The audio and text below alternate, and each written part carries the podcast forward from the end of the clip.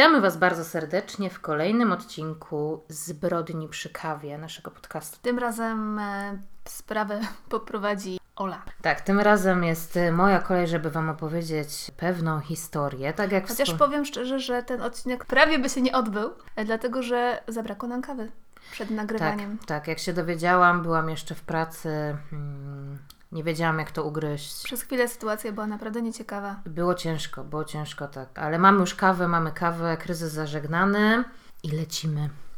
Tak jak wspomniałam w zeszłym tygodniu i dwa tygodnie temu, ta sprawa nie jest lekka. Ta sprawa jest bardzo trudna, ale ta sprawa jest jedną z najbardziej, znaczy jedną z bardziej klasycznych spraw, jakie się omawia w tego typu podcastach, ale też które jest poruszane w dokumentach kryminalnych. Ja Jestem przede wszystkim bardzo ciekawa, jakie tym razem miejsce wybrałaś. Tym razem niestety też Stany Zjednoczone, więc troszeczkę nudno. Inna część Stanów Zjednoczonych. Dzisiaj jesteśmy w Teksasie. Niestety, niestety, ja bym powiedziała, że bardzo fajnie, bo tam, jak kiedyś wspomniałaś, y, jest duży dostęp do akt sprawy, które są y, naprawdę w zasięgu ręki. Jeżeli dobrze poszukasz, nie to co u nas w Polsce. E, Tak, zdecydowanie jest łatwiej znaleźć dużo mm, filmów dokumentalnych na temat tych spraw, dużo artykułów, książek nawet. Tutaj też książka została napisana. Książka nazywa się Breaking Point. Niestety nie udało mi się do niej dostać, więc moim głównym źródłem są dwa dokumenty. Jeden to jest z serii Mugshot z 2002 roku, poświęcony właśnie tej sprawie, o której za chwilę będę opowiadać. Natomiast drugi to jest odcinek trzeci sezonu pierwszego takiej serii Crimes of the Century, czyli O, zbrodni stulecia. I to jest już dokument z 2013 roku, więc on troszeczkę z innej perspektywy i też szerzej mm, omawia tą sprawę, ponieważ w 2002 roku ta sprawa nie została jeszcze tak do końca zakończona. Czyli to było w trakcie jeszcze toczącego się procesu? Nie, proces już był zakończony, natomiast później jeszcze się podziały pewne rzeczy i troszeczkę się zmieniło. Ale to wszystko się dowiemy w dalszej części odcinka. Na początek, jeszcze zanim przejdę do sprawy, mam dwa ogłoszenia. Już myślałam, że pytania. Dzisiaj nie ma pytań, potem może na końcu będą pytania. Mam dwa, e, dwa oświadczenia. Po pierwsze, studiuję psychologię. Przede wszystkim psychologia to moja wielka pasja. Natomiast dopiero ją studiuję.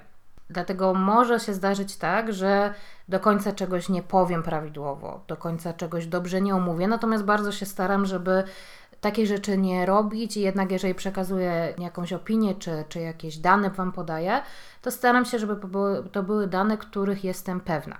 Natomiast jak każdy trzeźwo myślący student psychologii wie, studia psychologiczne to jest mniej więcej ten etap, kiedy y, Alicja wpada do króliczej nory. Praca magisterska to jest mniej więcej ten etap, kiedy Alicja wpada do pierwszej sali, gdzie musi poznać o co chodzi i zbadać już tak dokładnie, gdzie jest ta mm, flaszka z napisem wypij mnie i maleńkie drzwiczki. Tak? To jest mniej więcej tak to wygląda.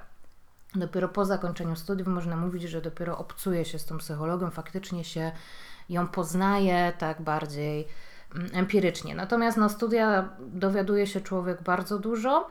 Natomiast nie uważam, że osoba, która na przykład nie studiuje, ale poświęca dużo czasu na czytanie profesjonalne książki psychologiczne, może mieć taką samą wiedzę jak ja w, w aktualnym momencie. Dlatego nie uważam, że jestem psychologiem. Studiuję psychologię i to jest moja wielka pasja. To jest pierwsza rzecz. Druga rzecz jest taka. Tu będzie poruszona religia w tej sprawie, dlatego chcę od razu taki zrobić malutki disclaimer, że nie jestem osobą, która chce zrównać z ziemią wszystkie kościoły i, i, i drwi z religii. Natomiast faktycznie ja nie jestem osobą religijną. Możliwe, że wkradnie się w mój ton jakaś nutka ironii, ewentualnie jakiegoś takiego oburzenia w stosunku do jednej osoby. Natomiast ja też uważam, że ta osoba akurat ciężko opowiedzieć, żeby ona była tak naprawdę żyła w zgodzie do końca z tym, co głosi. To jest taki malutki tutaj Aha. sneak peek. Tu się pojawia wbrew wszystkiemu w tej sprawie sporo takich znanych, znaczy sporo, znane nazwiska.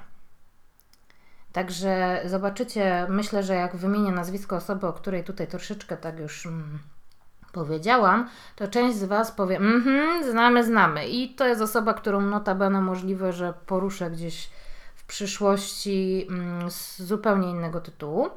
I pojawi się jeden taki psychiatryczny celebryta. O, proszę, to brzmi ciekawie. Tak, ale to wszystko w trakcie i na późniejszym troszeczkę etapie. Więc Zaczynamy. zaczynamy. Trzymajcie się mocno, weźcie kubek kawy. Jeżeli macie psa, kota czy coś innego na kolana, bo to nie będzie łatwa sprawa. Dzisiejsza sprawa dotyczy Andrei Yates. Część z Was na pewno już wie, jaka to sprawa. No ale zacznijmy od samego początku. Andrea, wtedy jeszcze Kennedy, urodziła się 2 lipca 1964 roku w Houston w Teksasie. Jej mama Karen i ojciec Andrew, prócz niej mieli także czwórkę starszych dzieci. Rodzina była dość normalną rodziną, religijną, trzymali się razem, dbali o siebie. Andrea opisywana jest jako bardzo ambitne dziecko, zawsze musiała być najlepsza, starała się być najlepsza, ale miała sobie też dużo ciepła, lubiła pomagać wszystkim sąsiadom, w domu pomagała. Przyjaciółka z liceum wspomina ją jako właśnie taką perfekcjonistkę. Poznały się w drużynie pływackiej, w której Andrea była kapitanem drużyny. Opowiada o niej, że była bardzo ambitną dziewczyną, dobrze się uczyła, miała bardzo dobre stopnie. Na zakończenie liceum została uhonorowana w taki sposób, że miała tą mowę końcową taką na tym rozdaniu takich dyplomów. E, A tą mowę końcową mogą wygłosić tylko najlepsi uczniowie z całej szkoły. Także naprawdę to jest duże, e, duże wyróżnienie. E, Gdy skończyła liceum, poszła do takiej dość prestiżowej szkoły pielęgniarskiej. W 1989 roku poznała Rustiego Yates. Rusty i Andrea zamieszkali w tym samym domu wielorodzinnym, to, to się tak nazywa. Wynajmo- Andrea wynajmowała tam mieszkanie. Rusty wspomina, że to była miłość od pierwszego wejrzenia. Zobaczył Andreę, kiedy pływała w basenie należącym do tego, tego domu. I od razu się zakochał i pomyślał, że ona jest zbyt wysokie progi na jego skromne nogi. No niemniej tam spróbował do niej zagadać, no jakoś tak się złożyło, że zaczęli randkować. Właściwie to był pierwszy jakiś taki chłopak, Andrei do tej pory tak jakby nie miała na to czasu. Po czterech latach pobrali się.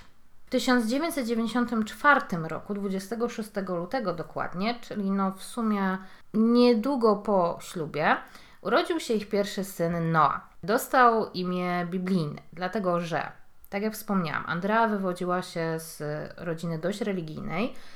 Rusty również był religijny. Rusty w czasie swoich studiów poznał i zaczął podążać za naukami Michaela Woronecki. I to jest właśnie ta postać, którą dużo z Was może kojarzyć. Ale powiem Ci, że ja na przykład tej postaci kompletnie nie kojarzę. Nie kojarzysz. Nie kojarzę. Y, No to dobrze, to może na To kolejny... będę miała zupełną niespodziankę Będziesz miała zupełną niespodziankę. historii. Y, Michael Woronecki, który tak naprawdę był Woroniecki, ponieważ tak się pisze jego nazwisko. No to mówmy, jak jesteś Woroniecki. Tak. Woroniecki. Woroniecki był w liceum, w drużynie futbolowej, miał dziewczynę czy liderkę, Rachel. Wyszli za siebie, zaczęli głosić Słowo Boże na ulicach. Tak jak to w Stanach często bywa, ci tacy uliczni prorokowie, nie wiem jak to Tak, powiedzieć. to ja zawsze kojarzę takich z tabliczką z tyłu koniec jest blisko. No ci może nie mieli, że koniec jest blisko, niemniej oni, em, oni trzymali się tak jakby bardzo mocno litery Biblii, robili takie jakby happeningi na ulicy, gdzie, gdzie no wygłaszali swoje wierzenia. Łącznie dorobili się szóstkę dzieci, z którymi podróżowali po całym kraju i właśnie głosili takie różne mowy na, temat, mm, na tematy religijne. One były zakorzenione w, w, w kościele rzymskokatolickim, natomiast no tak naprawdę no, no to był stanowiło jakiś taki wymysł kościoła właśnie Michaela. Y, Między innymi postulaty, które miał Michael. Nie wszyscy trafią do nieba. On miał taki postulat, że nie wystarczy być dobrym, nie wystarczy być religijnym, nie wystarczy żyć według dekalogu, ponieważ tak naprawdę do nieba trafi tylko garstka ludzi. Dlatego trzeba być jak najlepszym, jak najlepiej żyć. Ale mało tego, jeżeli myśli się, że jest się dobrym, to na pewno trafi się do piekła, ponieważ ma się grzech pychy. Tak? Także to była taka bardzo pokrętna logika, Yy, no ale no, no to bardzo mocno podkreślał.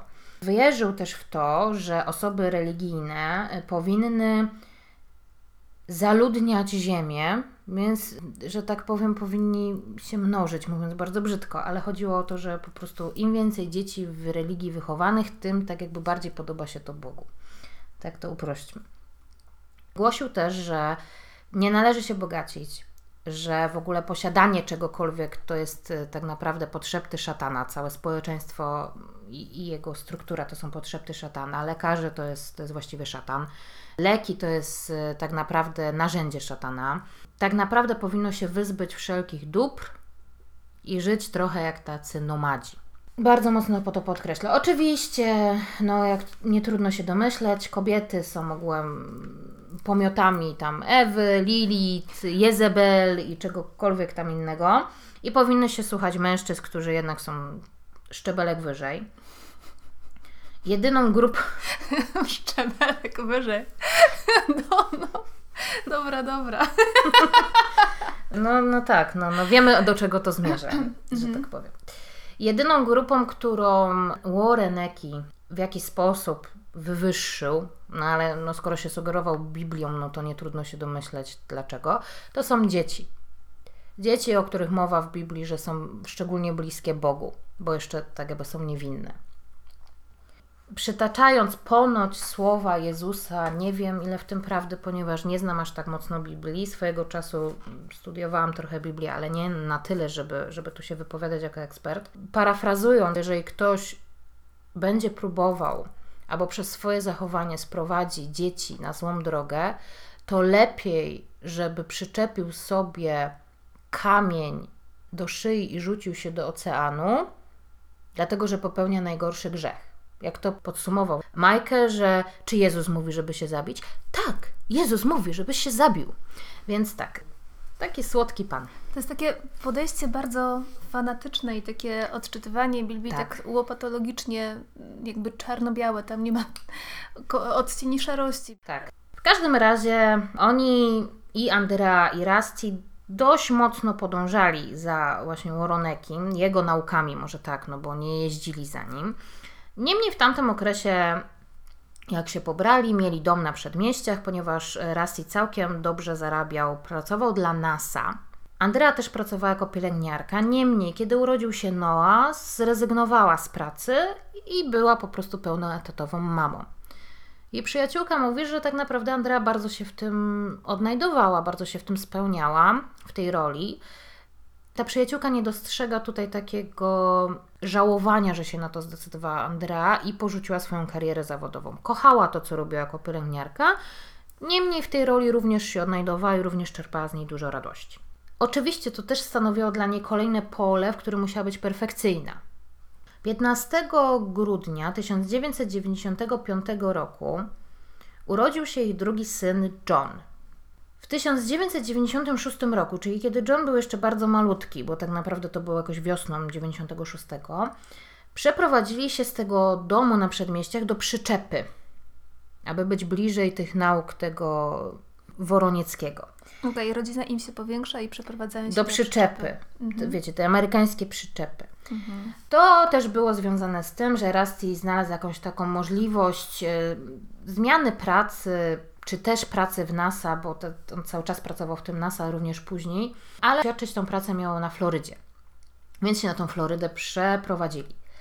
Teoretycznie Andrea była bardzo za tym, niemniej fakt jest taki, że w listopadzie 1996 roku, czyli tuż po tym, jak się w końcu przeprowadzili, Andrea poroniła. W 1997 roku wrócili do Houston, nadal mieszkali w tej przyczepie.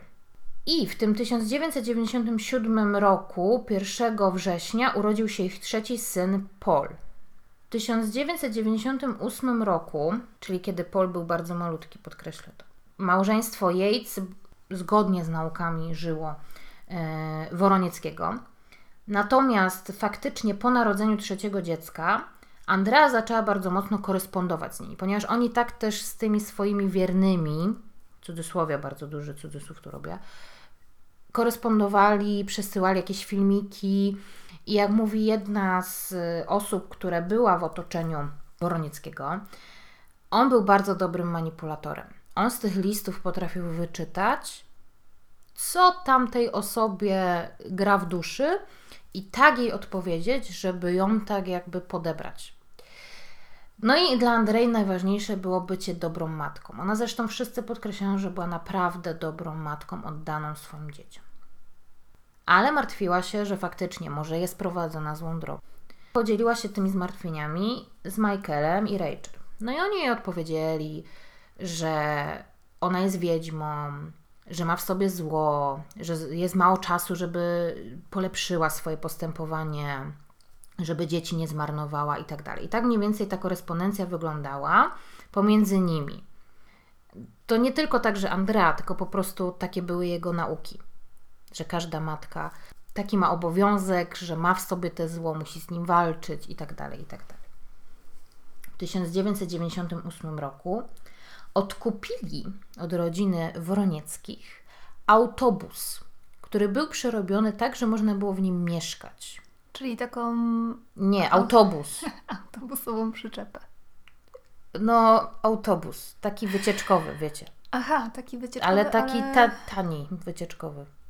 Ale taki z miejscem do spania? On był trochę przerobiony. Miejsce do spania to trochę dużo powiedziane, ponieważ dzieci spały w luku bagażowym, tylko była klapa w podłodze, że się ją otwierało i tam dzieci spały.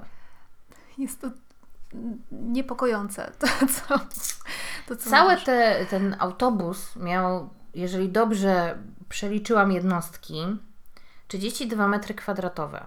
Mhm. I to niby nie brzmi najgorzej, ale pamiętajmy, to jest autobus. On nie jest przy, przygotowany do tego, żeby stanowić mieszkanie. No i tak, trójka młodych, Trójka malutkich dzieci. dzieci. Dzieci nie chodzą do przedszkola, ponieważ bo, jak zgodnie z naukami Łoroniekiego nie można puszczać no dzieci no tak, do szkoły, bo będą doktrynowane. Przedszkole i szkoła Więc, to, to więc Andrea tak, Andrea uczyła dzieci w domu, miała tego noworodka, nie stosowała pieluch żadnych, ponieważ pieluchy tak po pampers są złem. Okej. Okay. Tak? Są złem. Miała tylko pieluchy takie no tetry. Ja rozumiem, że kiedyś były tylko tetry i, i w ogóle spoko, ale wiecie, to jest autobus. Tam łazienka nie wiem jak wyglądała szczerze. Jak to wyglądało w ogóle. Ale skoro dzieci spały w luku bagażowym, to myślę, że tam nie było super, nie? No mówię autobus. Ja widziałam tylko jakieś takie zdjęcia z zewnątrz, bo nawet w środku to były tam tylko częściowo no ja bym się na to nie zdecydowała. No jest to dla mnie trochę takie, szczerze mówiąc, niepojęte, że najpierw mieszkają w normalnym domu, przeprowadzają się do przyczepy, żeby być tam blisko tej Żeby pary. wyzbyć się dóbr. I wyzbyć się dóbr. Tak, wyzbyć się dóbr. Oni nie jechali do nich, tylko po prostu ten dom już stanowił takie, no pójście już tą stronę złego, bo trzeba się no wyzbyć no tak. tych dóbr. To, Wygód. Okay, to, to poszli tą y, ścieżką, tak. gdzie wyzbywają się dóbr i, i tak dalej, ale Autobus to już moim zdaniem troszeczkę przesada, zwłaszcza jeżeli myśli się wciąż o dobru swoich dzieci. Dokładnie. Bo w takim. No jedyne otoczeniu. tutaj taki jeszcze mały, maleńki taki ziarenko, że to był Teksas. Tam jest cały czas ciepło, więc te dzieci dużo czasu spędzały na dworze, tak? To cały dzień no praktycznie no były na dworze, coś. mieli jakiś tam stół na dworze, więc pewnie tam też jedli posiłki. Więc tak jakby to było jeszcze dodatkowe pomieszczenie w cudzysłowie, gdzie dzieci mogły spędzać czas też. To nie jest tak jak u nas, że powiedzmy, no, tych dni, gdzie dzieci mogłyby być cały dzień na dworze, jest zdecydowanie mało. No tutaj to jeszcze stanowiło jakąś tam opcję. No niemniej, no umówmy się, to nie były idealne warunki. Andrea zajmowała się dziećmi sama, ponieważ Paul no, pracował, tak? Musiał dojechać do tej pracy, musiał wrócić z tej pracy, spędzał tam ileś czasu. Oczywiście też są tam filmiki rodzinne, gdzie zajmował się tymi dziećmi, tam się na rowerku z nimi jeździł i tak dalej. E, to nie jest tak, że on kompletnie ją zostawił samopas i, i radź sobie z tym sama. No niemniej główne, główne zadanie wychowania dzieci, zajmowania się tymi dzieci i tym ich domem, no leżały jednak tutaj na Andrzej. W 1999 roku rodzi się ich czwarty syn Luke. Przypomnę, mieszkają w autobusie. Mają już trójkę. Teraz Luke jest czwarty. Luke jest czwarty. Luke jest czwarty. Jak Luke się rodzi, to najstarsze dziecko ma 5 lat. No, ma tylko 5 lat. John ma 4, a Paul ma tylko 2. Mhm. To... I to takie niepełne 2. Czyli jeszcze prawdopodobnie też jest w pieluchach jeszcze. No jest co robić. No ja muszę przyznać, że jestem coraz bardziej Coraz bardziej podziwiam Andrę. Tak. y, pamiętajmy, że ona cały czas miała takie przeświadczenie, że musi być idealną mamą, musi się z tym spełniać. I faktycznie wszyscy z otoczenia podkreślają, że ona była wspaniałą matką. Dzieci faktycznie były bardzo, bardzo mądre, y, już pisały tam swoje imię, nawet, y, nawet te młodsze, tam potrafiły alfabet, takie są filmiki, że te dzieci ten alfabet mówią. Także naprawdę Andrea w 120% poświęcała się dzieciom. Tego nie można jej absolutnie odmówić. W czerwcu 1999 roku, czyli kiedy Luke miał 4 miesiące powiedzmy, pewnego dnia zadzwoniła do Rastiego, który był akurat w pracy, że ma natychmiast wracać do domu. Rasty się zaniepokoił, ponieważ Andrea zazwyczaj nie miała takich próśb, więc no, natychmiast wrócił do tego domu. Zastał ją zwiniętą w kłębek, trzęsącą się na całym ciele.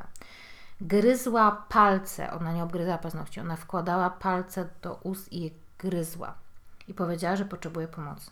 Rusty nie wiedział, co ma zrobić. Wielu z nas, jeżeli ma sytuację taką, zwłaszcza z jakimiś zaburzeniami psychicznymi, nie wie, jak się zachować. Wiemy, jak, nie wiem, jak ktoś ma zawał, jak jest krwawienie, natomiast jeżeli ktoś przychodzi jakieś załamanie nerwowe, nie wiemy, co zrobić. Rastiemu, co przyszło do głowy, spakował wszystkich do samochodu i pojechali na plażę. Bo Andrea lubiła plażę, to ją uspokajało. Pomyślał, że dzieci się zajmą sobą na plaży, ona się trochę uspokoi, no bo się o nią też martwił. No niemniej, no ten wypad na plażę może troszeczkę zadziała, ale nie tak, żeby on się czuł w pełni usatysfakcjonowany, że wszystko jest w porządku. Dlatego zabrał całą rodzinę następnego dnia do domu rodzinnego Andrzej. Bo czego jeszcze nie wspomniałam wcześniej, z tymi czterema dziećmi, tym autobusem i tym wszystkim, Andrea jeszcze się opiekowała swoim ojcem chorym na Alzheimera ponieważ jako pielęgniarka w rodzinie, do tego bardzo mocno związana ze swoim ojcem, nie wyobrażała sobie, żeby ktoś inny się nim zajmował. Także wszyscy trafili do tego domu rodzinnego, no i tam bynajmniej z Andreą nie było zbyt dobrze. 17 czerwca 1999 roku Andrea próbowała popełnić samobójstwo, zażywając dużą ilość leków nasennych swojego ojca. Zabrano ją do szpitala, gdzie trafiła na oddział psychiatryczny ale spędziła tam tylko tydzień. I to nie dlatego, że się polepszyło, tylko dlatego, że ich ubezpieczenie tylko tyle pokrywało. I nie będę tu mówić o ubezpieczeniu zdrowotnym w Stanach Zjednoczonych, bo to jest nie temat. Się, to, to jest, jest temat rzeka. Ogółem nie. Bubu. Nie idziemy w to. Chociaż i tak y, muszę przyznać, że jestem trochę zdziwiona, że trafiła na taki oddział, dlatego że przecież, y, tak jak wspomniałaś wcześniej, wiara tych tam, tej pary nie pozwalała na to, żeby chodzić do lekarza, bo lekarze też są. No złami. dlatego wyobraźcie sobie, jaki to był poważny stan, mhm. że jednak się na to zdecydowali. Yy, oni w dwójkę, powiedzmy, byli tak, podążali za tym Woronieckim, natomiast no, podejrzewam, że jej rodzice, jak zobaczyli ją w takim stanie, jeszcze po próbie samobójczej, zresztą jeżeli ona była po próbie samobójczej, przedawkowała leki, musiała trafić do szpitala, żeby ją odratowali. Myślę, że po próbie samobójczej po prostu z automatu idziesz na, -hmm. na, mhm. na, taki oddział. No ale tak jak mówię, po tygodniu ją wypisali, stan bynajmniej się nie poprawił. Zaczęła skubać swoje ciało, wydrapywać sobie włosy. No i 20 lipca 1999 roku, jak akurat nikt na nią nie zwracał uwagi, wzięła nóż z kuchni i próbowała wbić sobie go w szyję, natomiast Rusty ją powstrzymał. Ona płakała i błagała go, żeby dał jej to zrobić, ponieważ ona już dłużej nie może się powstrzymać, że ona stanowi niebezpieczeństwo, ona nie, nie może żyć, jeżeli, jeżeli coś stanie się jej dzieciom, a ona myśli, że może to zrobić. No trafiła znowu do szpitala. No i została zdiagnozowana u niej psychoza poporodowa. I teraz e, krótki skok do psychozy poporodowej. O co chodzi? W okresie połogu, który trwa mm, około 2 miesiące po porodzie, przez bardzo dużą zmianę chemiczną w organizmie matki, często gęsto, pojawiają się jakieś zaburzenia psychiczne. I z tej samej rodziny, tylko że o różnym natężeniu, są tak naprawdę trzy różne zaburzenia. W cudzysłowie mówię zaburzenia, dlatego że pierwsze z nich to jest tak zwany smutek poporodowy, baby blues. To jest takie, że matka tak się trochę nie potrafi odnaleźć, taka jest trochę zmęczona. Często, gęsto to się zdarza, niemniej to nie stanowi żadnego zagrożenia. Po prostu to jest nowa rola życiowa, z którą ta matka musi się zmierzyć. Do tego wszystkiego umówmy się, że to jest teraz zderzenie z rzeczywistością, bo to nie wygląda tak jak na stokowych zdjęciach, że jest uśmiechnięta, wypoczęta mama i bobas, który się cieszy do wszystkiego, tylko są no kupy, nieprzespane noce, nie wiadomo o co chodzi dziecku, bo płacze, ma sucho i tak dalej, i tak dalej. To, to są tego typu rzeczy. Drugim stopniem jest depresja poporodowa. No i depresja poporodowa no to jest po prostu stan depresyjny, powiedzmy taki dość klasyczny, który pojawia się w tym w okresie połogu. Natomiast trzecią i najgorszym z nich wszystkim to jest psychoza poporodowa. Ona jest bardzo rzadko występuje, ponieważ jak w jednym źródle, do którego, w jednym opracowaniu, do którego dotarłam, podają, że choruje, czy objawia się tylko około 0,2% matek. Także dość rzadkie schorzenie, ale jest najpoważniejsze. No i do objaw y, tej psychozy poporodowej należą urojenia, omamy i dezorganizacja myślenia. Tak? Mhm. I co jeszcze o psychozach możemy powiedzieć? W ogóle tych depresjach poporodowych, tych zaburzeniach poporodowych, one oczywiście, tak jak w przypadku depresji, mm, obciążenie genetyczne, czyli jeżeli w rodzinie występuje jakieś e, stany depresyjne, no to wiadomo, że jest to zwiększone prawdopodobieństwo, że może się to ujawnić. Druga rzecz jest taka, jeśli chodzi o psychozy, wszelkiej maści, nie tylko, nie tylko te poporodowe, no to psychoza często gęsto łączy się z jakimś tłem kulturowym, tym religijnym. I na przykład u Andrei te jej omamy, no to wyglądały w taki sposób, że ona wierzyła, że słyszy podszepty szatana. I szatan jej podsuwa wizję noża. I ona się boi, że szatan ją zawładnie i zabije dzieci. I tak wyglądały te jej omamy. Jak się okazało przy wywiadzie psychiatrycznym, już po narodzinach y, pierwszego dziecka pojawiły się pewne symptomy, pewne myśli tego typu u Andrei, natomiast poradziła sobie z tym sama. Po prostu był to jakiś krótki taki epizod, pojawiły się takie myśli, natomiast udało się z tym zawalczyć. Po narodzeniu czwartego dziecka, niestety już jej się nie udało samemu z tym poradzić. Dlatego też, że po każdym narodzeniu dziecka te objawy mogą być silniejsze. Tak jakby już się utoruje pewna ścieżka w mózgu i każde kolejne już będzie gorsze, bo już dalej zajdzie. Kiedy Andrea trafiła do szpitala, tak jak mówiłam, z, zdiagnozowano u niej te omamy związane z tym szatanem, który miał opanować. Ona wydrapywała włosy, ponieważ wierzyła, że na jej czaszce pojawia się symbol 666, który sugeruje, że szatan ją opętał. Także Także naprawdę poważne, poważne zaburzenia. Odkryto, że na jej nogach takie ślady po tym, jak ona wbijała i paznokcie w uda i, i tak, wiecie, no, ciągnęła po tych udach, żeby, żeby powstrzymać się, żeby nic nie zrobić. Ona naprawdę walczyła, żeby nic nie zrobić tym dzieciom w, tych, w tym stanie, w którym jest. Po trzech tygodniach y, wyszła z tego szpitala, poddano jej leczeniu farmakologicznemu. Tym razem Andrea brała tabletki, ponieważ po tym pierwszym pobycie w szpitalu też jej dali jakieś tabletki na wyjście. Natomiast Andrea zgodnie z naukami Woronieckiego nie brała tabletek, udawała, że je bierze, dlatego ten, mm, tak jakby te objawy tylko się nasiliły. Natomiast teraz chyba cała rodzina zrozumiała, że no musi brać te tabletki i faktycznie kiedy zaczęła brać tak naprawdę trzy różne leki na depresję i na psychozę, stan się ustabilizował. Kiedy Andrea była w szpitalu, jej matka powiedziała Rastiemu, że nie pozwoli Andrei wyprowadzić się z ich domu, dopóki on nie kupi domu. Koniec mieszkania w autobusie. Że jej córka nie może tak żyć, że, że te, te całe do, dookoła jej te, te warunki życia no na pewno jej nie pomagają. No i faktycznie w Rosji kupił ten dom, zamieszkali w domu. Urodziny Pola w tym 1999 roku już organizowali w tym nowym domu. Tak jak mówiłam, stan się polepszył, Andra sobie dobrze radziła. Przez co w listopadzie 1999 roku para zdecydowała się na kolejne dziecko. Mimo, że psychiatrzy raczej im to, no czym raczej im to, odradzali im to, bo tłumaczyli, że każda kolejna psychoza może być większa, mocniejsza że jest ryzyko, że się pojawi przede wszystkim po raz kolejny. No tak, jak się pojawiła tak. wcześniej, no to jest większa szansa, że się pojawi przy piątym, tak? To, żeby było... to już piąte dziecko. Piąte dziecko. Mhm. Piąte dziecko, tak.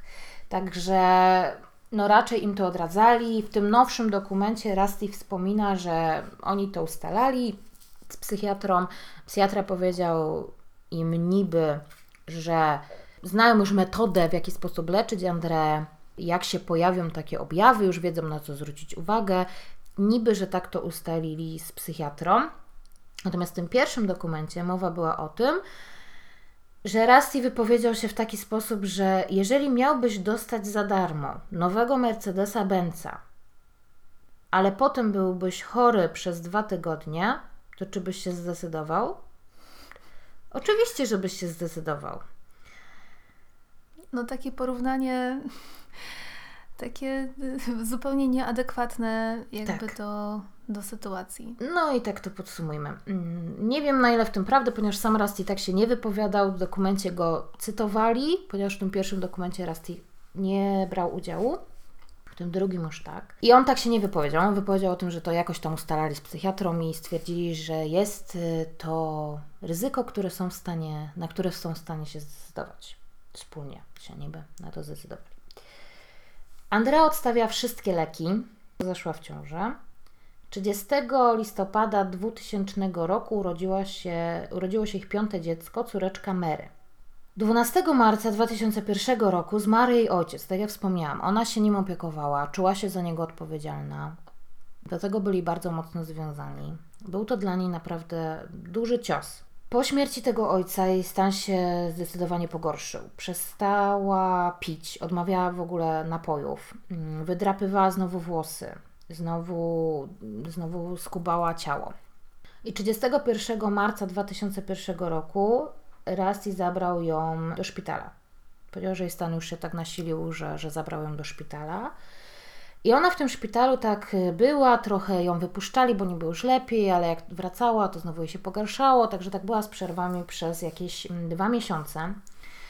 Po dwóch miesiącach została wypisana, zostały jej przepisane jakieś tam leki, jeździli na spotkania takie kontrolne, gdzie raz mówi, że zgłaszał, że te leki, które ma teraz, dostała jakieś inne niż wtedy, co jej pomogły, nie do końca działały, więc tam no, że to dawkę trzeba, bo skład jest podobny, działanie podobne. 18 czerwca 2001 roku odbyła się kolejna konsultacja. Raz i znów stwierdził, że, że no żona jednak ma jeszcze jakieś tam problemy po tych lekach, że to jednak tak nie wygląda, jak powinno wyglądać. Mm, No i psychiatra tam znowu zmienił jakąś tam dawkę leku. 20 czerwca 2001 roku Andrea wstała około 8.10. Nie spała już y, Mary, Luke i Paul. Rusty szykował się do pracy, wyszedł do pracy. Około 9 Andrea napełniła wannę wodą. Zabrała do tej łazienki Pola, który miał wtedy 3,5 roku i go utopiła. Gdy go utopiła, zaniosła ciało do sypialni rodziców i ułożyła go w łóżku. Następnie zabrała do tej łazienki Luka, który miał wtedy 2 lata i go też utopiła i też zaniosła do łóżka. Następnie obudziła Johna, zabrała go do łazienki, utopiła, ułożyła w łóżku. Następnie y, wzięła małą Mary i ją również utopiła. I będąc z tej łazienki zawołała Noę, który miał wtedy 7 lat. I Noa walczył. Nie wiem, jak do tego doszli śledczy, ale w tym dokumencie mówią, że Noa walczył. E, Noa wołał, mamusiu, będę dobry, będę dobry, no ale też go utopiła. Wszystkie dzieci ułożyła w tym łóżku rodziców w sypialni. Małą Mary ułożyła w ramionach Johna, ponieważ John był takim dobrym starszym bratem i bardzo mocno się swoim młodszym rodzeństwem zajmował, w tym właśnie Mary. Przykryła ich wszystkich i zadzwoniła na policję. Policję, że policja ma przyjechać do niej. Policja myślała, że, że ktoś ją napadł, że jest tego typu problem. Natomiast no, ona, ona po prostu powiedziała, że mają przyjechać, więc tak do końca policja nie wiedziała, do czego jedzie.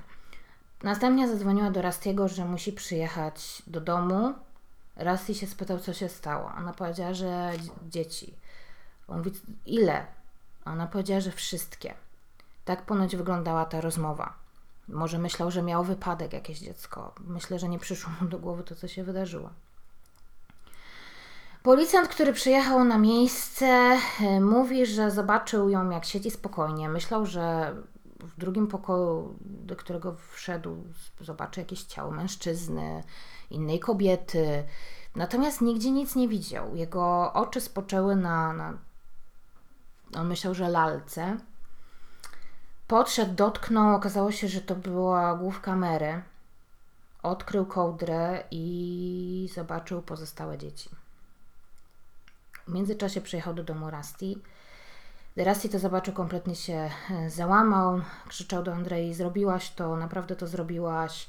Andrea została zatrzymana przez policję. Przyznała się oczywiście, że, że utopiła dzieci. Ku zdziwieniu wszystkich na drugi dzień Rusty wypowiadał się, że to nie jest wina jego żony. Że to jest wina jej stanu psychicznego, to jest wina tego, że była z nim sama z tym, w tym stanie psychicznym, że on, on wie, że, że jego żona by tego nie zrobiła, że to po prostu ta jej choroba jej kazała. 27 lipca 2001 roku odbył się pogrzeb dzieci. Pięć małych trumienek zostało złożonych e, w ziemi. W tej całej sytuacji ludzie troszeczkę mieli taki dziwny stosunek do Rastiego, ponieważ on dużo się uśmiechał, niby gdzieś tam. E, dużo udzielał wywiadów e, i tak dalej. Natomiast absolutnie nie można tutaj, jak będziecie oglądać ten dokument, na pewno też to troszeczkę Was uderzy. Natomiast Luke po prostu, Rusty po prostu jest taki happy go lucky. Wiecie co chodzi jakoś się ułoży, będzie dobrze. On po prostu jest tak, taką osobą i nie można powiedzieć, że on się cieszył z tego. On no. był z, zdewastowany tym, co się Właśnie wydarzyło. jakby tutaj trzeba spojrzeć na to, że każdy zupełnie inaczej reaguje na stres, a taka sytuacja wiąże się na pewno z bardzo dużym stresem i no też nie należy chyba oceniać, bo niektórzy dostają takiego śmiechu, takiej głupawki mm. podczas jakiejś takiej sytuacji. On się tyle, że nie śmiał, tylko mi się, mnie się wydaje, że on po prostu weszły tylko takie te to, takie. Są różne wiecie, reakcje na takie tak, stresujące tak, tak, sytuacje. To raz, a dwa, że wydaje mi się, że w tych spotkaniach z tymi, z tymi ludźmi z mediów i w ogóle po prostu weszły mu takie schematy działania. On podejrzewam, że jak się zawsze spotykał, to się zawsze uśmiechał. Zawsze był taki, jaki jest. I ja muszę powiedzieć, że ja całkowicie jakby tutaj rozumiem, hmm. że może być taka reakcja, bo ja sama często mam tak, że żeby gdzieś tam zakuszyć ciszę, jak z kimś rozmawiam, to się tam śmieję. W sumie nawet nie ma z czego za bardzo, ale po prostu to robię i to jest taki odruch, nad którym też za bardzo nie panuję, więc całkowicie rozumiem, że on w czasie tych rozmów mógł się uśmiechać, mógł się śmiać, ale to też, tak jak powiedziałam, każdy inaczej reaguje na ten stres, więc e, tutaj jakby najbardziej nie powinno się oceniać. Nie, absolutnie. Uważam, że nie można mieć złego stosunku do Rastiego, bo wydaje mi się, że on po prostu przez to, jaki jest, mógł trochę bagatelizować to, co się dzieje z Andreą. Ona też go na pewno utwierdzała w tym, że jest okej, okay, że on już sobie radzi. Ona mi się wydaje była tą silniejszą w tym związku.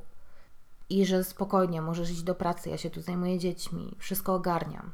Tak? Wydaje mi się, że. No tym bardziej, że on chyba zaufał też trochę lekarzom, bo z tego co zrozumiałam, ona była w czasie już tam tego okresu, kiedy zajmowała się dziećmi przed morderstwem na lekach, które miały jej pomóc i niby ten stan był jakoś tam unormowany. Tak, po czwartym dziecku, jak przeżyła te, te, te duży epizod, no to, to ona trafiła, tak jak mówiłam, do szpitala, gdzie jej dali leki i, i tak jakby była unormowana, natomiast no, zdawali się na te piąte dziecko i wtedy ona odstawiła te leki, także ona w tym momencie była... Aha, czyli ona podczas, yy, gdy pojawiła się Mary na świecie, to już tych leków nie brała. Ona jak się zdecydowali na to, żeby mieć piąte dziecko, ona odstawia wszystkie leki. Wszystkie. No tak, bo podczas ciąży za bardzo takich leków brać no, nie, nie można. można. Także ona odstawia wszystkie leki.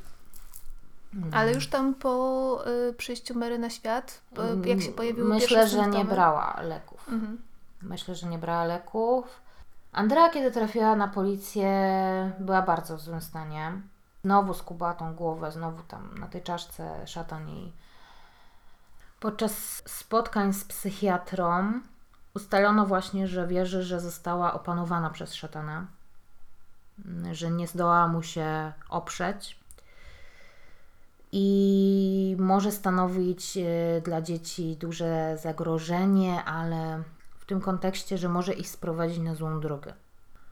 No i dlaczego mogła też tak myśleć? No, jak wspomnieliśmy wcześniej, ona korespondowała z, z małżeństwem Woronieckich, którzy oczywiście się odcięli, że oni nic takiego jej nie mówili, że nie są y, absolutnie odpowiedzialni za to, że, że to choroba psychiczna, pff, gdzież.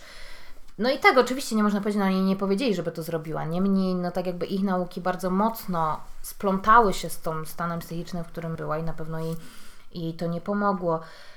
Tu może przytoczę taki, oni wydawali jakąś taką gazetkę, z tego co zrozumiałam. I tam był taki wierszyk, po angielsku to się rymuje i ma to większy sens. E, Natomiast ja tutaj pozwoliłam sobie tak dość to też łopatologicznie przetłumaczyć, żebyście tak odczuli mniej więcej, jak wyglądały te jego y, nauki. I jest tak. Współczesna mama jest bardzo leniwa. Wszystkie jej dzieci doprowadzają ją do szaleństwa. Biblia ją uczy, by dawać im klapsy i je trenować, ale społeczeństwo mówi jej, by ich nie przymuszać.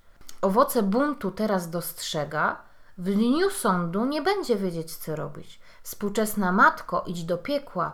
Co się teraz stanie z dziećmi takiej Jezabel? Jezebel, Izabel, jak chcecie. Jezabel była e, żoną Ahaba, króla Izraela, która wierzyła w pomniejszych bożków, między innymi w Baala, który uznawany jest za demona. No i kiedy Ahab e, zobaczył, że jego sąsiad ma jakąś tam winnicę, zapragnął ją mieć, no to Jezabel powiedziała, dobra, zabij właściciela, będziesz miał. No i on oczywiście tak zrobił, no bo ona mu tak podszeptywała, biedny, słaby mężczyzna. No i za karę ich spotkało to, że jacyś najeźdźcy ich zabili, ich i 40 ich dzieci. To jest Biblia, oni tam mieli dużo dzieci.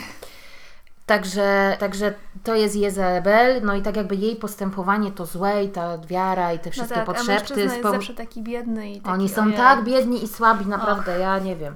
Także, także to jej wina była, że te wszystkie dzieci zmarły. Tak? I Takie jest tutaj przesłanie tego. No, jak widzicie, tutaj jest bardzo mocno powiedziane, że tak jakby współczesna matka jest za słaba, żeby uchronić dzieci przed piekłem. Już w sumie z góry skazana na niepowodzenie. No na Tak, pewno bardzo tak trudno. wynika. Myślę, że według jego nauk to tylko ta Rachel jest w stanie sprostać wymaganiom. Jego żona, chociaż nie wiem, czy też, tutaj już nie będę. Podczas przesłuchania, e, tak jak wspomniałam, tych przesłuchań było kilka, tam są nagrania z tych przesłuchań, widać, że one są trochę w innym czasie, ponieważ kiedy Andrea oczywiście trafiła do tego aresztu, zobaczyli w jakim jest stanie, ona zaczęła być e, leczona psychiatrycznie.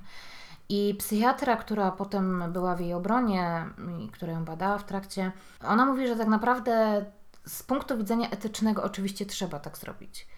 Ale z, z punktu widzenia takiego ludzkiego, gdyby osoby, które będą ją potem sądzić, mogły zobaczyć ją w tym stanie, w którym była tuż po, zrozumieliby tak naprawdę, co się z nią działo. Natomiast ona, im bardziej była leczona, tym lepiej wyglądała. Tak, to miała nieumyte włosy, tak jak mówię, częściowo potem wyrowane, skudlone. Miała te, te włosy takie skudlone, tłuste, taką tą krótszą część, bo ona miała długie te włosy. Miała na twarzy, na oczach. Ona w ogóle była mm, ładną kobietą i miała taką urodę, że miała takie ciemne włosy, przepiękny uśmiech, taki naprawdę amerykański jak z reklamy. I miała bardzo, bardzo ciemne oczy, że tak naprawdę nawet na zdjęciach nie było widać jej źrenic. Więc jak ona patrzyła takim pustym wzrokiem, jak to jest tak ładnie ujęte, jak, jak okna domu niezamieszkanego, opuszczonego domu, to to wyglądało po prostu strasznie, strasznie, bardzo przejmująco. Podczas jednego z tych przesłuchań, które można zobaczyć w tych dokumentach, psychiatra, który ją badał, zadaje pytanie, dlaczego to zrobiła. I ona odpowiedziała, oczywiście ona nie odpowiada tak logicznie, jak ja to teraz przedstawię, ona odpowiada troszeczkę bardziej chaotycznie. Niemniej, niemniej odpowiada, że może póki są w tym wieku niewinności, Bóg wpuści je do nieba. Jak wspomniałam, do nieba może wejść tylko garstka ludzi, według Woronieckiego. Psychiatra się pyta, gdybyś nie zabiła? Odpowiedziałaby, staliby się grzeszni. I gdzie by skończyli? Pyta psychiatra. W piekle, odpowiedziała. A co takiego robiły, że stwierdziłaś, że trafiłyby do piekła? A ona odpowiedziała dużo głupot. Źle się zachowywały w stosunku do babci. Nie robili tego, co lubi Bóg. Jak ona później opowiadała też, że jak dała dzieciom słodycze, no bo tak chciały, lubiły, się cieszyły, to postać z bajki, którą dzieci oglądały, zwróciła się do niej, do dzieci, że nie powinny jeść tych słodyczy, bo to jest grzech. Ale to jest, to jest przerażające, jak bardzo wiara w ogóle wchodzi w, psychika i kogoś tak podatnego, kto, jest, kto chce tak naprawdę zrobić coś dobrego, y, chce uratować swoje dzieci, Tak. tak naprawdę to wszystko obraca się przeciwko niemu. To jest przerażające. Przerażające, tak dokładnie. Tak jak wspomniałam, dlatego tutaj te, tak na marginesie dodałam wcześniej, że psychoza tak jakby łączy się z pewnymi schematami kulturowymi, w tym religijnymi. No i z punktu widzenia tak jakby nauki, a nie wiary, opętania, to tak naprawdę jest właśnie taka psychoza, która połączyła się z tą wiarą. Tak? Y, Także nawet sami księża, egzorcyści w pierwszej kolejności badają, czy to nie jest taki przypadek. Także nawet Kościół jest świadomy tego, że czasami to są po prostu zaburzenia psychiczne. Oczywiście Andrea no, trafiła przed sąd, ponieważ zabiła piątkę swoich dzieci. No i myślę, że wielu z nas uważa, że najgorszą zbrodnią, jaką można popełnić, to jest zabójstwo, bo w ogóle jakakolwiek krzywda wyrządzona dzieciom, a już w ogóle matka, która krzywdzi dzieci, no to tak naprawdę no, jest jeden z tych najgorszych, jeden z tych najgorszych przestępstw, które można popełnić. W sumie gorszego chyba nie jestem w stanie sobie wyobrazić jak zabójstwo dziecka. Tak, tak, zdecydowanie. Dlatego tutaj no, emocje były bardzo duże w społeczeństwie. Bardzo, bardzo duże, bardzo spolaryzowane. Część oczywiście rozumiała, że to jest choroba psychiczna. Część uważała, że mimo tej choroby ona wiedziała, co robi, że to było z premedytacją. Bardzo, bardzo, bardzo dużo, dużo emocji wokół tej sprawy. Prokuratura oczywiście chciała udowodnić, że jest winna, że wiedziała, co robi. Obrońca natomiast chciał udowodnić, y, że tutaj była to niepoczytalność. No i teraz, co to oznacza? Zazwyczaj tak to, tak to jest interpretowane ogólnie, natomiast no, tutaj było wskazane konkretnie w tym dokumencie, że w Teksasie tak to jest interpretowane, że oczywiście pierwszym warunkiem jest to, że ta osoba ma jakieś problemy psychiczne. Tak? Czyli ma chorobę psychiczną, ma jakieś upośledzenie umysłowe, jakiś problem psychiczny. Drugą natomiast jest, że w chwili popełniania tego czynu nie była w stanie stwierdzić, że to, co robi, jest złe. No i zło znowu nie jest jakoś definiowane oczywiście prawnie, natomiast chodzi o takie powiedzmy rozumienie potoczne tego słowa. Ławnicy mają odwołać się do swojej oceny tego słowa, co jest złe, co jest dobre. No oczywiście te, przy takim czynie no, trudno powiedzieć, że nie wiadomo o co chodzi, że zabicie moich dzieci jest złe. No, no tutaj chodzi o takie coś. Ja myślę, że tu nie ma jakichś dylematów moralnych pod tym względem, żeby to ocenić. Przed rozprawą sądową 22 września 2001 roku sąd musiał uznać, czy w ogóle Andrea może stanąć przed sądem. Czy jej stan psychiczny jest taki, że ona może w ogóle być sądzona.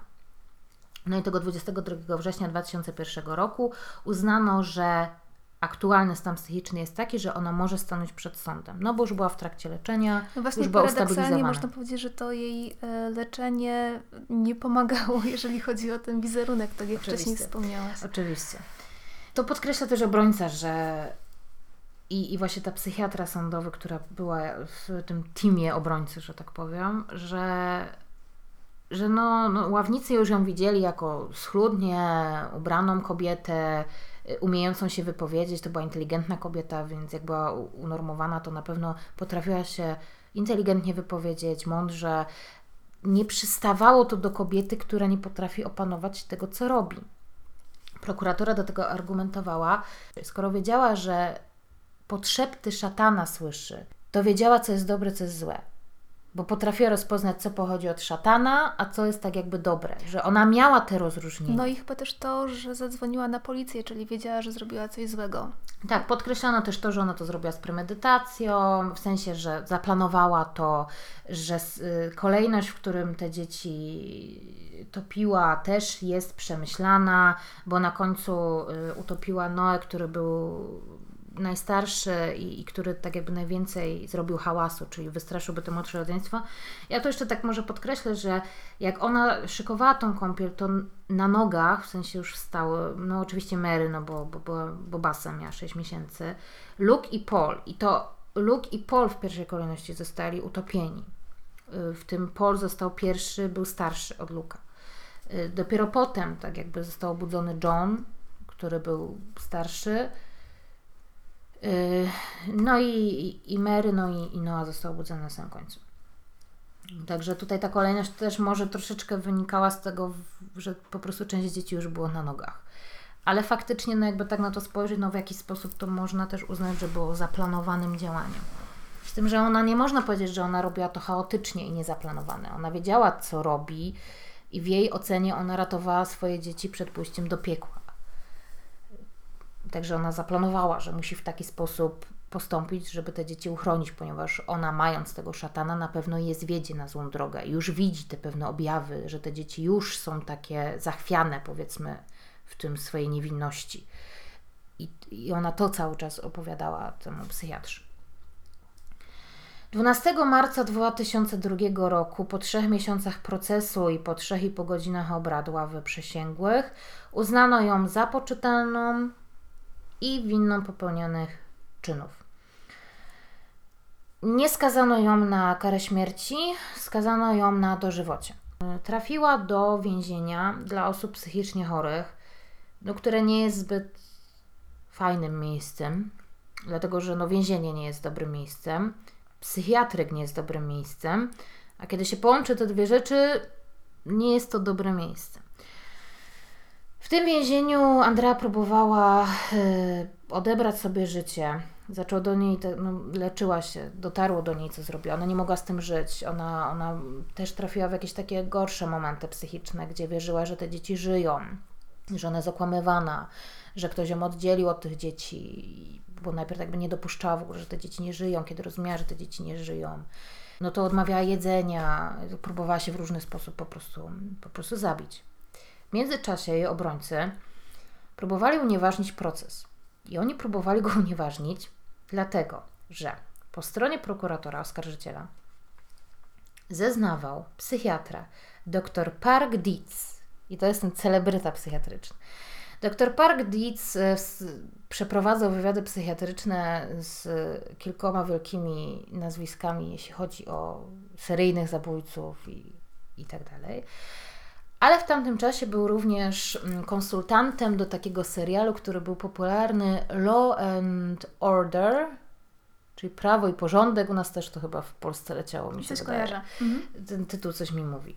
No i on podczas swojego zeznania zgodził się z psychiatrami obrony, że ona miała tą paranoję poporodową, że miała urojenia, ale nie do końca się zgadzał z tym, że właśnie nie rozróżniała, co jest dobre, co jest złe. On nawet taką wysnuł teorię, i tu jest tak jakby gwóźdź do trumny, że w tym właśnie serialu Prawo i Porządek był taki odcinek, w którym kobieta, która była zmęczona tym, w jaki sposób żyje i ilością obowiązków, stwierdziła, że jak utopi swoje dziecko, to się uwolni. W tym odcinku było tak, że ta kobieta nie została za to ukarana. Obrońcy oczywiście zaczęli szukać tego odcinka, nie mogli go znaleźć, skontaktowali się ze scenarzystą który powiedział, że oczywiście darzy pana Ditsa głębokim szacunkiem, natomiast takiego odcinka nie było. Aha. No i właśnie obrona wnioskowała o to, że takie przedstawienie Andrei, że, że jest to ucieczka od problemów i że mogło mm, ją tak jakby natchnąć ten serial, którym była wielką, wielką fanką, bo oni oglądali właśnie z Rastim każdy jeden odcinek, mogło bardzo mocno wskazywać ławie przysięgłych, że, że to faktycznie było z premedytacją, że to było takie wyważone, wy, wymierzone do, po to, żeby po prostu znowu być tak jakby tylko żoną bezdzietną, albo w ogóle odejść od męża i, i nie mieć żadnych obowiązków. No i w końcu w 2005 roku sąd przychylił się do tego, żeby powtórzyć proces. Także to nie było typowo tak jakby apelacja, tylko to było powtórzenie procesu. Cały ten e, proces został powtórzony. No i jak to mówi obrońca, były już inne emocje. To nie była świeża sprawa, bo już minęło te jednak 5 lat. Ludzie, wiadomo, też trochę inaczej się mówi o psychologii. Z każdym jednym rokiem wiemy coraz więcej, coraz bardziej zaakceptowane to, że są pewne zaburzenia, że to są choroby, że nikt nie może sobie wybrać, że a dzisiaj mam psychozę, jutro nie. To jest po prostu coś takiego jak wada serca, zawał serca. Nie można tego opanować po prostu dobrą wolą i nie wiem, weź magiczne tabletki y, typu suplement diety i, i wybiegaj się i będzie dobrze, tak? Albo zjedz dobry posiłek w restauracji. Oczywiście do dzisiaj dnia są celebrytki, które uważają, że jak zjesz odpowiednią ilość witaminy y, D i pobiegasz sobie, to To wszystko będzie ok. wszystko będzie ok. Y, W markowych butach najlepiej, bo pff, w nich Bo się tak biega, ani rusz. depresji nie ma. Także wiecie, także... Tak, tutaj, ale tutaj też pewnie chodziło o to, że mm, no, zdarzały się przypadki w takich też dość y, w głośnych sprawach, gdzie ludzie mm, starali się udawać, czy udawali niepoczytalnych właśnie dlatego, żeby zostać uniewinnionymi. Więc tutaj też to jest zawsze taka śliska sprawa. Nieraz y, czytałam o sprawie, gdzie y, było dwie zupełnie inne opinie psychiatrów na temat jednej osoby, więc rzeczywiście tutaj też dobrze jest zawsze dogłębnie zbadać ten temat i może to powtórzenie procesu, tak jak mówisz, rzuci zupełnie inne światło, bo ona przez lata jest przecież leczona, więc ta dokumentacja medyczna też gdzieś tam powinna być taką dobrą pomocą przy obronie tej Andrei. Dokładnie. Do tego zmierzała obrona, żeby uznać to, że ona naprawdę jest chora psychicznie. Tak, że to nie jest, że ona udaje. I tak jak mówisz, no niestety z psychologiem i psychiatrą jest tak, że nie otworzymy tej czaszki, nie zobaczymy, no, no oczywiście możemy zrobić y, skan mózgu i coś tam widzimy. Natomiast faktycznie ocenienie, a już w ogóle, czy w danym momencie, w przeszłości ktoś był w takim stanie psychicznym, no to jest naprawdę ciężkie do ocenienia, tak? Bo w tym może być już zupełnie innym. Natomiast faktycznie ta niepoczytalność wcale nie tak łatwo, by mieć orzeczenie, że jest, było się niepoczytalnym i faktycznie trzeba głównie te dwie rzeczy spełniać i trzeba to bardzo dobrze udowodnić w sądzie, żeby zostać uznanym za niepoczytalnym. Także to nie jest wcale takie, takie łatwe, jak się wydaje, że dobra, żółty papierek i, i, i okej, okay, mnie uniewinnią od wszystkiego. Oczywiście zdarzały się różne procesy, gdzie, gdzie osoby, gdzie naprawdę trudno było uznać, że były niepoczytalne, miały takie mm, orzeczenia. W Stanach jest dodatkowo, pamiętajmy, ta ława przysięgłych i oni mają wielki show w sądzie. Także jak ma dobrego ktoś obrońcę, który potrafi zawładnąć emocjami ławy przysięgłych, jest w stanie tak naprawdę dużo ugrać. Także mm, żaden system sądownictwa nie jest idealny i mimo, że ten w Stanach Zjednoczonych jest uważany za najbardziej doskonały, dlatego że wyrok wydają osoby teoretycznie obiektywne i jest ich tyle, że mogą wyrazić każdy swoją opinię, a w tych najcięższych wyrokach muszą być jednogłośni, czyli zawsze jest możliwość, że ktoś się wyłamie i na przykład nie będzie właśnie tej kary śmierci, czy nie będzie dożywocia, czy właśnie zostanie uznany ktoś za niepoczytalny, niepoczytalnego czy poczytalnego no to jest uznawany za jeden z najdoskonalszych systemów sądownictwa. Natomiast on też ma swoje jakieś tam mankamenty. Nie ma systemów idealnych. W taki sposób trafiamy na 26 lipca 2006 roku. Ława przysięgłych obraduje już trzeci dzień i po prawie 30 godzinach łącznie tych obrad poprosiła, żeby dać im zdjęcie dzieci, zdjęcia dzieci. Obrońca trochę wspomina, że, że go to zmroziło, bo wyszedł z założenia, że, że kolejną sprawę przegrali, a w międzyczasie bardzo mocno emocjonalnie się związał z Andreą i jak sam wspomina, trochę traktuje ją jak córkę, ponieważ poczuł jej ból, poczuł jej smutek i, i taki instynkt opiekuńczy w nim obudziła. Natomiast e, ława przysięgłych poprosiła o te zdjęcia, żeby uhonorować każde z dzieci dwoma minutami ciszy jak sędzia stwierdził, to jest bezprecedensowe, ale jak najbardziej było potrzebne wszystkim. Andrea w tym powtórzonym procesie została uznana za niepoczytalną i trafiła do szpitala psychiatrycznego, gdzie będzie tak długo, aż sąd uzna, że może wyjść na wolność. Czyli tak jakby nadal ma trochę dożywocie, ale może już przebywać w szpitalu psychiatrycznym który zdecydowanie ma inne warunki i inny sposób leczenia choroby. No i też jest otoczona trochę innymi ludźmi, jednak to więzienie psychiatryczne wiąże się z osobami, które jakieś tam wyroki mają za coś, yy, siedzą w tym miejscu. A szpital psychiatryczny już trochę, no brzmi wciąż strasznie, ale tak jak mówisz, to już jest zupełnie inne. Troszeczkę coś innego. Tak jak mówisz, w więzieniu psychiatrycznym, nie ukrywajmy, tam trafiają seryjni mordercy zazwyczaj, tak? E, Także tam są ludzie, którzy naprawdę, no, nie wiem, pokroili kogoś na kawałki i potem jedli go przez tydzień. No więc to otoczenie chyba nie pomaga za bardzo w leczeniu kogoś, kto, kto No na pewno terapia grupowa chory tam nie jest okej, nie? psychicznie, tak. To taki, taki humorek na koniec może się I teraz tak. No i tak się właściwie to trochę kończy. Z tego, co próbowałam znaleźć, czy Andrea nadal jest w szpitalu psychiatrycznym, znalazłam z 2020 roku, że nadal tam przebywa. Yy, Jak minęło tam 2016 roku, jakiś chyba był wywiad z nią, albo coś w tym stylu, ktoś Bo do niej ten list proces napisał. zakończył się w którym roku? W 2006 roku. Aha, czyli jakby 14 lat minęło i wciąż jest możliwe, że ona tam przebywa. Z tego, co znalazłam, jeżeli się mylę, oczywiście możecie mnie wyprostować. Może znaleźliście lepsze, lepsze jakieś źródło, gdzie było to wspomniane. Ja tylko znalazłam takie z 2019, gdzie było, że nadal tam przebywa. W 2020 było bardziej, znalazłam artykuły, ale ten było bardziej o sprawie że trafiła. Natomiast de facto nie było w tym artykule, nawet go nie będę linkować, bo był kiepski, jak połowę, który czytam w tej sprawie. Te takie wartościowe Wam oczywiście wszystko podlinkuję. Także nie wiem, y, czy ona tam nadal przebywa, czy nie. W 2016 roku, kiedy była 15. rocznica tej tragedii, która się wydarzyła, no jakiś dziennikarz wpadł na genialny pomysł, żeby napisać do niej, zrobić z nią wywiad, nie wiem, bo taka fajna okazja, żeby sobie z kimś porozmawiać. No i, i, Andrea tam mówi, że ona nie ma dnia, żeby nie myślała o dzieciach, nie ma dnia, żeby nie myślała o tym, co zrobiła. Nie potrafi sobie absolutnie wybaczyć. I tak naprawdę największą karą, jaką jest to to, że ma teraz świadomość tego, co zrobiła. No właśnie, bo jakby, no oczywiście to jest normalne, szkoda mi dzieci nad momentami, jak opowiadałaś, to aż miałam e, łzy w oczach, bo jest to rzeczywiście przejmująca, straszna historia, ale też nie wyobrażam sobie kompletnie, co musi czuć e, matka, która to zrobiła, która zrobiła to totalnie nieświadomie, gdzieś tam to jak opowiadasz, to było poza nią i nagle zdaje sobie sprawę z tego, co, co się wydarzyło i musi z tym żyć do końca życia. No, to jest to takie piętno, którego Mhm. się nigdy nie pozbędziesz, to zawsze będzie w Twojej psychice. Mhm.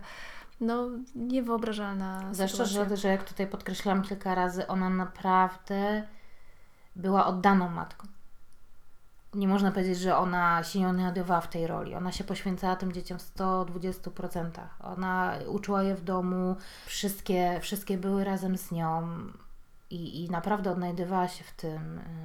Yy, I to widać też w tym dokumencie, jak są nagrania, że, że ona po prostu patrzy na te, każde z tych dzieci z miłością i to widać, absolutnie to widać, tą miłość do tych dzieci. Mąż Andrei e, się z nią rozwiódł po iluś tam latach.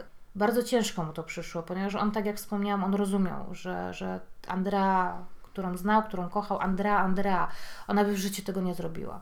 Że to, to ta choroba, która nią zawładnęła. Natomiast faktycznie mm, nie potrafił, może nie, nie że wybaczyć, nie potrafił tego zapomnieć, nie potrafiłby z nią być. Ma teraz y, po iluś tam latach związał się z inną kobietą, mają tam dziecko czy dzieci. Tym dokumencie z 2012 czy tam 13 roku była mowa o, o synu, natomiast no faktycznie no, minęło sporo lat, może, może jest więcej dzieci. No i zazwyczaj też staramy się, e, żeby trochę zmienić nastrój, kończyć jakimś pozytywnym akcentem. Tutaj będzie niezmiernie ciężko. Natomiast jest taki jeden pozytywny aspekt.